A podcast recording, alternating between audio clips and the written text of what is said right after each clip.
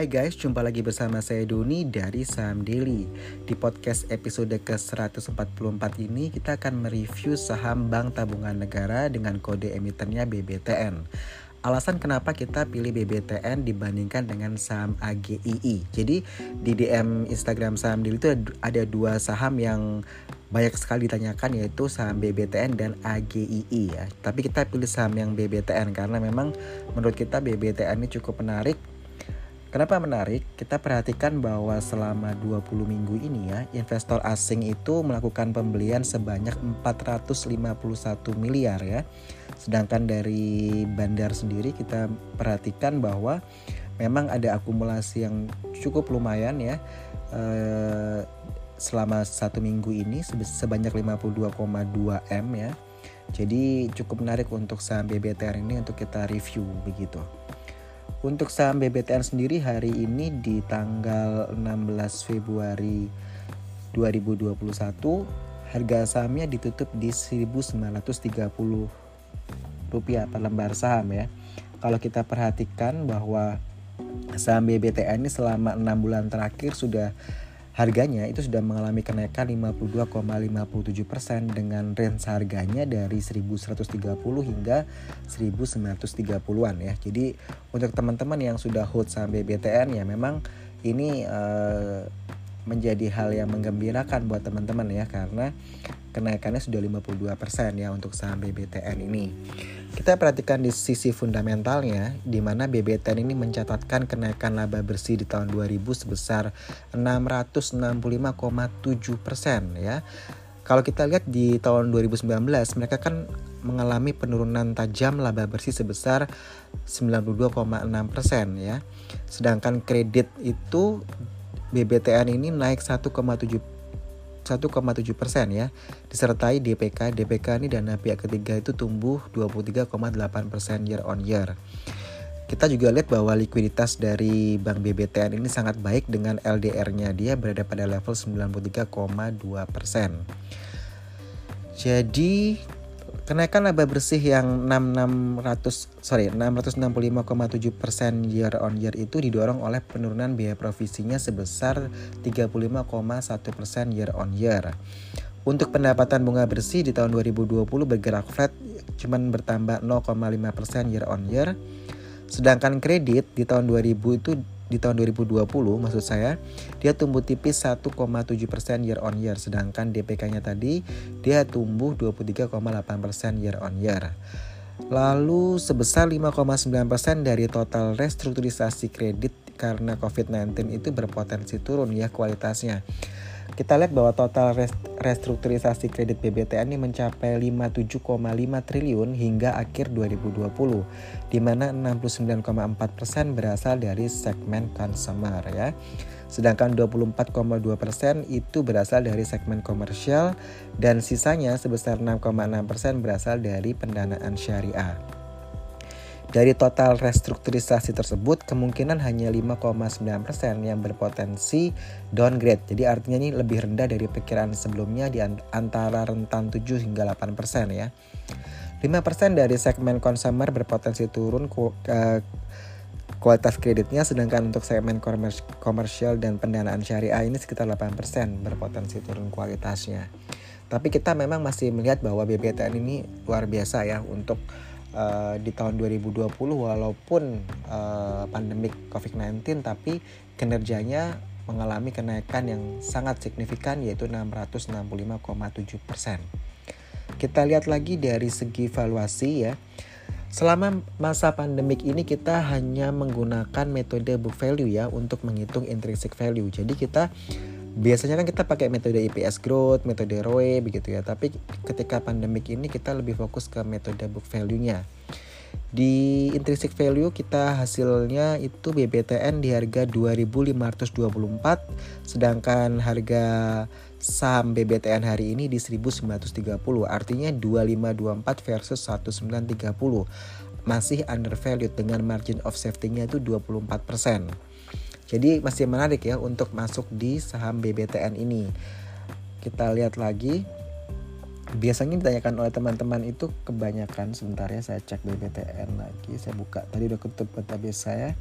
Oke kalau teman-teman yang mau melakukan uh, kita bilang investasi di BBTN ini lebih dari dua tahun taruhlah tiga tahun ya itu dia bisa sampai level harga 3.300 ke 3.800 ya sedangkan kalau teman-teman misalkan cuman di uh, semi investing ya kita lihat bahwa target terdekat itu di harga 2300 ya 2290 hingga 2300 jadi kita uh, patok di 2300 untuk target price jika dia under satu tahun atau kita bilang semi investing begitu ya. Jadi uh, kita melihat bahwa memang sentimen BBTN ini sangat bagus terkait dengan masih rendahnya uh, biaya bunga ya. Sehingga uh, consumer itu biasanya untuk teman-teman yang uh, ber apa ya bermodal besar ya. Istilahnya mereka punya capital yang cukup besar yang nganggur. Mereka biasanya ketika kondisi seperti ini mereka melakukan investasi tidak tidak semata-mata di saham saja tetapi juga di properti. Karena melihat bahwa banyak orang yang butuh uang sehingga mereka menjual uh, propertinya dan ada juga pihak yang melakukan pembelian karena harganya sudah sangat terdiskon. Karena ketika pandemi ini ya eh, kita lihat bahwa orang banyak yang butuh uang sehingga misalkan punya rumah dua atau tiga mereka jual salah satu asetnya begitu. Ada yang melakukan seperti itu ketika mereka benar-benar membutuhkan uang mungkin untuk uh, bertahan uh, mempertahankan bisnisnya seperti itu. Sehingga banyak orang yang mengambil opportunity untuk melakukan pembelian uh, properti ya seperti itu. Jadi memang kesempatan bagi teman-teman terutama untuk milenial yang mungkin mau kredit rumah begitu ya. Sehingga memang kita melihat bahwa uh, pertumbuhan laba dari BBTN yang kita kenal dengan uh, kredit kepemilikan rumahnya KPR ini ini memang sangat uh, apa ya?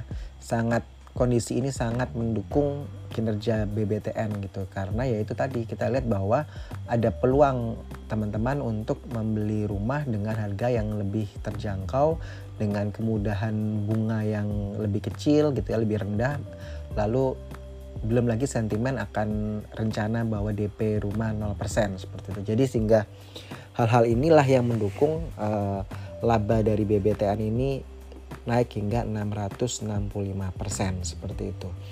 Kalau kita secara te secara teknikal ya, saya buka chart dulu. Memang dia posisinya uptrend ya di mana uh, di sini kita bisa lihat bahwa secara teknikal ini sangat bagus grafik dari bank BBTN ini ya.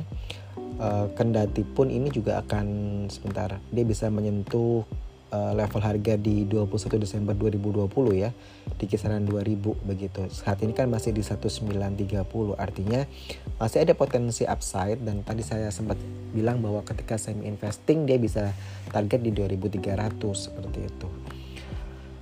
Lalu sebentar saya lihat Instagram dulu. BBTN apa lagi pertanyaannya? Oke. Ini banyak yang membandingkan BBTN dengan BJBA dan BJTM. Sebenarnya kalau dibandingin begitu beda ya karena uh, eh, BJBR dan BJTM itu dia kan uh, bank da uh, bank daerah ya. Beda dengan BBTN gitu uh, ruang lingkupnya seperti itu. Kalau dividen memang ya kalau dari harga saja, secara harga saja mungkin kita akan memilih ke BJTM dibandingkan dengan BBTN. Jadi tergantung tujuannya ya teman-teman. Karena kita juga harus melihat bahwa BBTN ini bukan bank pembangunan daerah bu ya. Lingkupnya mereka nasional begitu. Lalu untuk pertanyaan lagi telat masuk nggak di BBTN sebenarnya kalau kita bilang telat masuk atau enggak ya itu tadi tergantung uh, time range-nya. Kalau anda selama tiga tahun anda masih bisa masuk ya. Kalau anda mau keep itu untuk eh, tiga uh, tahun di harga 3.300 hingga 3.800 targetnya begitu. Tapi kalau anda semi investing ya memang agak terbatas ya di 2.300 sekarang kan di 1.930an seperti itu. Jadi bisa dipertimbangkan dulu. Tapi kalau memang untuk investing sih sebenarnya gak ada masalah untuk BBTN ya uh, yang kita kita lihat di sini. Lalu tadi sebentar ya teman-teman. Maaf. ini ada yang peringkat kedua kita buka data dulu pertanyaan tadi itu sebentar ya yang paling banyak kedua itu mana ya saya jadi lupa nih oh ya BBCA ini BBCA ya kalau kita lihat posisi hari ini sebentar saya buka oke BBCA hari ini ditutup di harga 34.700 rupiah. Dia naik 700 poin ya di tanggal 16 Februari 2021. Saya ulangi BBCA hari ini ditutup di 34.700 rupiah di mana dia uh, mengalami kenaikan 700 poin. Sebenarnya kalau target ditanyakan target price kita ini memang banyak ya. Di setelah tadi itu ada BBTN, AGI sama BBCA. Karena bank sama bank kita pilih BBCA dulu ya. Untuk AGI mungkin kalau ada kesempatan saya akan bahas tapi kali ini saya sambung ke BBCA aja dulu. BBCA ini target kita, sebentar kita lihat data kita. Oke. Kita target di 40.500 ya untuk uh, Bank BBCA. Ini dengan jangka waktu kita lebih dari satu tahun ya. Jadi uh, satu tahun enam bulan ya. Kita targetnya di 40.500. Memang kalau kita lihat dari fundamental ya, uh, laba bersih BBCA ini di tahun 2000 tuh hanya turun 5% ya. Uh, di mana di kuartal 4 sendiri itu dia kuartal 4 tahun 2020 dia turun 7,2 persen ya. Jadi dari segi kredit itu terkontraksi sekitar 2,5 persen. Tapi DPK-nya dana pihak ketiga tumbuh itu 19,3 persen. Jadi memang kita lihat bahwa likuiditasnya sangat tinggi ya dengan LDR-nya 65,8 persen. Lalu kita lihat bahwa proyeksi kita untuk laba bersih BBCA di tahun 2021 itu naik 17,2 persen ya. Jadi sehingga kita memang uh, target price kita kalau untuk teman-teman yang pegang saham BBCA itu di 40.500. Kita lihat pendapatan bunga bersih di tahun 2020 itu masih naik 7,3 persen year on year. Untuk kredit ini memang terkontraksi 2,5 persen. DPK tadi naik 19,3 persen. Kita juga melihat bahwa pertumbuhan kredit ini hanya didorong oleh kredit korporasi yang tumbuh 7,7 per 7,7 persen year on year. Lalu dari segi kredit komersial dan UKM turun 7,9 persen. Kredit consumernya dia turun 10,8 persen year on year gitu ya. Untuk deposito berjangka sendiri dia tumbuh lebih rendah yaitu 14, eh, 14 persen ya. Untuk kualitas kredit dari segi gross NPL dia berada 1,8 persen turun 10 BPS Q on Q ya. Coverage ratio juga masih terjaga dengan baik di level 260,9 persen dengan LAR coverage-nya ini kalau kita perhitungkan restrukturisasi karena COVID berada pada level 18,8 persen. Jadi kalau teman-teman saya ngomong angka ini mungkin agak bingung tapi nggak masalah. Uh, biasanya teman-teman suka nanya itu satu intrinsic value ya.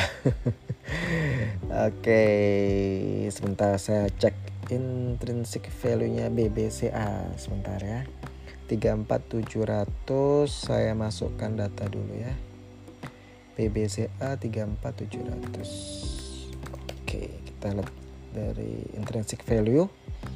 Jadi kita pasti pakai metode book value yang saya sempat jelaskan di awal selama pandemik ini kita pakai metode book value ya untuk valuationnya. Intrinsic value BBCA itu di 14.702 waduh kok kecil banget pak gitu kan? Kalau di compare sama harga sahamnya di 34.700 ya memang dia overvalued ya. Dengan margin of safety-nya minus 135% seperti itu. Tapi eh, apakah kita tidak boleh membeli saham BBCA boleh saja begitu karena kan tadi kita bilang uh, target kita di 40.500 ya untuk BBCA begitu.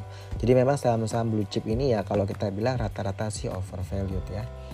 Kalau kita mau lihat sebentar yang bank buku 4 ya biar uh, enak BMRI sebentar BBNI dulu deh. BBNI itu dia intrinsic value-nya di 7.711 ya masih undervalued ya. BBNI itu kan hari ini kita lihat di 6.350 sebentar ya saya update dulu. BBNI 6350 ya ini kalau kita lihat intrinsic value tadi kan di 7.711 sedangkan market price-nya hari ini di 6.350 artinya dia masih undervalued dengan margin of safety-nya di 18%. Lalu bang apa lagi yang mau dicari? BMRI ya. Bentar. BMRI Wait. Hmm, BMR ini benar-benar mepet ya kalau kita lihat BMRI dia ditutup di harga 6.475 sedangkan intrinsic value-nya di 6.483. Jadi uh, kita bilang margin safe, margin of safety-nya 0%, 0% ya. Ini yang kita bilang bahwa memang BBNI kalau kita bilang uh, kita lebih cenderung pilih BBNI dibandingkan BMRI sebenarnya. Satu lagi Bank BBRI ya yang belum kita lihat di Bank Buku 4. BBRI itu intrinsic value-nya di 2511 ya. Sedangkan harga saham penutupan tadi di 4670. Artinya sangat overvalued ya. Jadi memang kalau di bank buku 4 ini kalau teman-teman cari yang masih undervalued ya, ya BBNI seperti itu. Tapi memang Eh, teman-teman uh, biasanya kalau yang investor yang sabar uh, pegang BBNI sih nggak masalah. Tapi yang nggak sabaran yang biasanya uh, wah lambat banget nih tapi ya nggak masalah gitu ya. Kita melihat bahwa kalau BBNI ini misalkan teman-teman hold hingga lebih dari dua tahun mau tiga tahun bisa sampai 9000 ya target price-nya dia begitu. Jadi uh, sesuaikan saja dengan uh, settingan teman-teman ya. Kalau yang memang investor yang kelebihan duit ya nggak masalah di BBNI. Jadi dia tidak terlalu uh, berharap bahwa BBNI cepat uh, naiknya begitu. Walaupun sebenarnya kalau kita lihat BBNI ini selama enam bulan terakhir ini harga sahamnya sudah naik 38% ya. Dari kisaran harga 4.300 ke 6.300 hingga 6.000 ya 6.350-an ya. Kita lihat bahwa dia naik sebanyak 38,04 persen ya selama enam bulan terakhir seperti itu. Jadi tadi saya sudah lengkap ya untuk uh, saham Bank Buku 4 ya BBNI, BMRI, BBRI, BBCA ya. Sedangkan untuk BBTN yang di awal-awal tadi itu memang di luar dari Bank Buku 4 ya.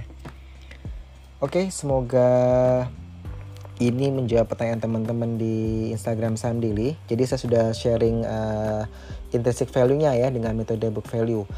Kalau yang teman-teman yang sudah expert biasanya tahu ya bahwa memang agak sedikit berbeda uh, intrinsic value antara satu metode dengan metode yang lain, metode EPS growth, metode ROE gitu ya. Saya ambil contoh misalkan saham BBNI ya ini kalau pakai metode EPS growth, dia itu intrinsic value-nya di 7088. Sedangkan metode book value dia di 7711. Sedangkan metode ROE itu dia intrinsic value-nya di 5980. Tapi kita menggunakan metode book value, saya ulangi lagi kenapa dasar kita menggunakan metode book value untuk valuation ya karena lagi pandemik COVID-19 ya. Jadi kita lebih menekankan pada book value-nya begitu kalau teman-teman uh, kesulitan untuk hitung valuasi uh, kalau biasanya kan kita pakai per ya per atau PBV gitu. Nah sekarang kita lebih cenderung pakai PBV ya begitu. Dan bank ini memang uh, lebih unik dibandingkan dengan sektor-sektor uh, yang lain begitu. Jadi uh, kenapa kita menggunakan book value memang lebih tepat untuk sektor perbankan di menggunakan metode book value-nya itu sendiri. Oke okay? semoga ini jelas dan menjawab pertanyaan teman-teman yang di Instagram saham daily tadi tentang BBTN terus saya tambah lagi dengan uh, intrinsic value dari uh, beberapa bank tadi ya. Untuk saham AGII kalau ada kesempatan mungkin saya akan share tapi uh, saya nggak mau dibilang pom pom ya untuk AGII gitu ya. Karena memang banyak sekali uh, pertanyaan tentang saham AGII secara chart dia menarik ya. Sebentar ini saya kok di DM terus saja tanya Agi? Aduh banyak sekali nih. Oke saya singkat aja ya. Secara teknikal memang uh, eh, AGI ini menarik begitu ya. Tapi juga harus hati-hati ya. Karena memang eh, 20 week ini sebenarnya asing itu melakukan distribusi ya. Mereka menjual sebanyak 301 miliar untuk uh, bandar sendiri kita lihat juga masih melakukan penjualan ya. Walaupun kita lihat bahwa uh, secara teknikal ya saham AGII AGI ini aneka gas industri ya. Industri ini secara teknikal chart itu bagus begitu ya. Selama tiga hari ini dia naik terus begitu. Kalau kita lihat uh, pergerakan harga sahamnya tuh saya jadi bahas AGI ini ya. Ini banyak yang WA saya juga sama kenapa sih sama AGI? Saya bingung sendiri nih. Wait wait. Ya se selama enam bulan terakhir ini harga saham pergerakan harga saham AGI ini naik 180% ya. Jadi uh, memang waktu itu dia sempat di 2000 ya. Setelah itu dia drop hingga harga sebentar 1300-an begitu ya. Lalu beberapa hari ini dia naik ke level 1500, 1400 begitu ya. Jadi memang kalau secara apa kita bilang uh, technical dia lumayan menyita perhatian begitu. Tapi teman-teman juga harus harus hati-hati ya. Saya tadi tadi sempat bocorin bahwa uh, kita lihat bahwa investor asing itu sebenarnya melakukan penjualan ya uh, di saham AGI ini. Jadi ya hati-hati begitu. Jangan sampai nanti uh, teman-teman uh, karena lagi hot-hotnya AGI, AGI, AGI gitu ya. Padahal uh, investor asing maupun bandar ini kita lihat juga sama-sama melakukan distribusi, jangan sampai nyangkut begitu ya. Jadi lebih hati-hati kalau teman-teman masuk pun harus lebih hati-hati. Udah segitu aja ya. Sebentar ini banyak yang Oke maksa. Oke. Sebentar saya cek AGI deh sekalian ya intrinsic value-nya ya. Oke, sebentar. Sabar, sabar teman-teman. Saya jadi bahas AGII jadinya nih. Oke. AGII kita lihat dulu. Sep. AGI ini sebenarnya overvalued ya. Jadi uh, sudah cukup premium kita bilang harganya begitu ya. Di intrinsic value-nya di 1129 jadi teman-teman bisa bandingkan dengan harganya yang 1530 ya. Jadi uh, sangat uh, ya, sudah tinggi begitu ya. Makanya kita bilang uh, untuk hmm, satu minggu dua minggu kita uh, belum masuk ya gitu. Kita bilang bahwa ini kalau mau mau mau masuk fast trading aja. Jadi uh, lebih ke scalping aja uh, day trading boleh tapi diawasi terus ya. Jadi kita tidak sarankan untuk karena kita lihat uh, dari segi valuasi juga sudah premium nih harganya seperti itu. Makanya tadi kita lebih memilih BBTN dibandingkan AGI. Walaupun ini dua sektor yang berbeda ya, cuman karena tadi di Instagram Sam Daily ini dan juga ada yang WA personal banyak banget masuk tanya AGI sama BBTN saya pilih BBTN sebenarnya begitu. Jadi untuk yang AGI kita lihat memang e, dari foreign flow maupun pergerakan bandar itu masih distribusi ya. Jadi agak hati-hati. Kalau BBTN ini kita lihat bahwa baik eh, bandar maupun investor asing itu masih akumulasi seperti itu. Sehingga kita pilih BBTN tapi bukan berarti ini kita suruh beli BBTN loh ya. Enggak. Cuman karena banyak teman-teman yang tanya makanya tadi kita akan selingi dengan uh, analisa fundamentalnya dia ya. Kita jelaskan mengenai labanya bagaimana. Jadi supaya uh, lebih balance ya. Jadi jangan dibilang nanti ini pom pom lagi pom pom lagi ya.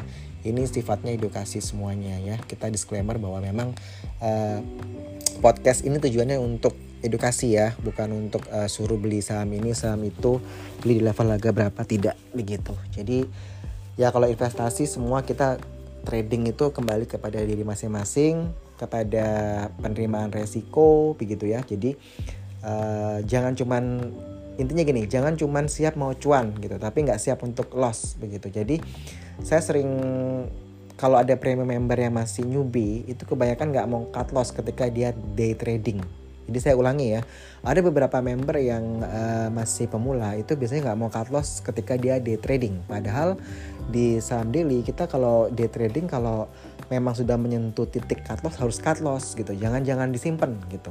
Karena prinsipnya day trading itu buy and sell di hari yang sama. Jadi ketika pasar tutup sudah nggak ada lagi tuh saham yang tadi pagi kita beli begitu. Jadi benar-benar kita uh, strict pada trading plan kita seperti itu. Sama halnya dengan nanti AGI ya. Kalau teman-teman misalkan ini kan lagi heboh AGI karena uh, grafiknya lagi bagus, Uh, saya nggak sarankan untuk uh, hold lebih lama begitu tapi kalau dia trading mungkin lebih ke fast tradingnya ya lebih ke scalpingnya itu karena memang uh, kita lihat masih distribusi gitu fasenya. Tapi kalau BBTN kita lihat memang dia uh, diakumulasi gitu fasenya begitu. Cuman uh, ya kita lihat bahwa tadi saya sempat sharing bahwa targetnya di 2300 ya. Uh, sehingga uh, dia bisa turun bisa begitu ya. Semua itu bisa saham saham itu bisa turun bisa naik. Cuman nanti tergantung uh, time range kita ya. Tadi saya bilang bahwa 2300 itu di settingan semi investing ya. Bukan pada swing atau day trading ya bukan. Seperti itu. Kalau day trading beda lagi nanti targetnya. Jadi uh, setiap saham itu kita bisa setting day trading swing trading uh, following trend atau 3 to 6 begitu ya. Jadi beda-beda gitu ya uh, settingan uh, ketika kita setting time range-nya sekian sekian sekian itu target uh, profitnya maupun titik cut loss-nya berbeda begitu ya. Jadi nanti kalau yang sudah uh, expert bisa sudah tahu ya uh, support resistance support resistance S1 R1 S2 R2-nya udah tahu begitu ya. Oke, semoga ini menjawab pertanyaan teman-teman semua di Instagram Saham Daily. Terima kasih yang sudah DM banyak banget. Uh, sebenarnya saya nggak pengen uh, sharing banyak-banyak karena takutnya dibilang pom-pom. Tapi saya ulangi lagi bahwa ini sifatnya edukasi ya untuk menjawab teman-teman pertanyaan teman-teman. Ya dinikmati sendirilah gitu. Kalau cuan ya silakan kalau lagi loss ya harus diterima begitu ya. Tapi semuanya kembali kepada fundamental juga kepada technical juga. Tergantung teman-teman lebih cenderung yang mana nih begitu. Juga tergantung pada level penerimaan resiko begitu ya. Jadi jangan cuma ingin cuannya aja tapi juga harus ingat bahwa ketika kita melakukan trading atau investasi itu selalu ada resiko di situ ya. Oke, saya Doni dari Sam Daily out.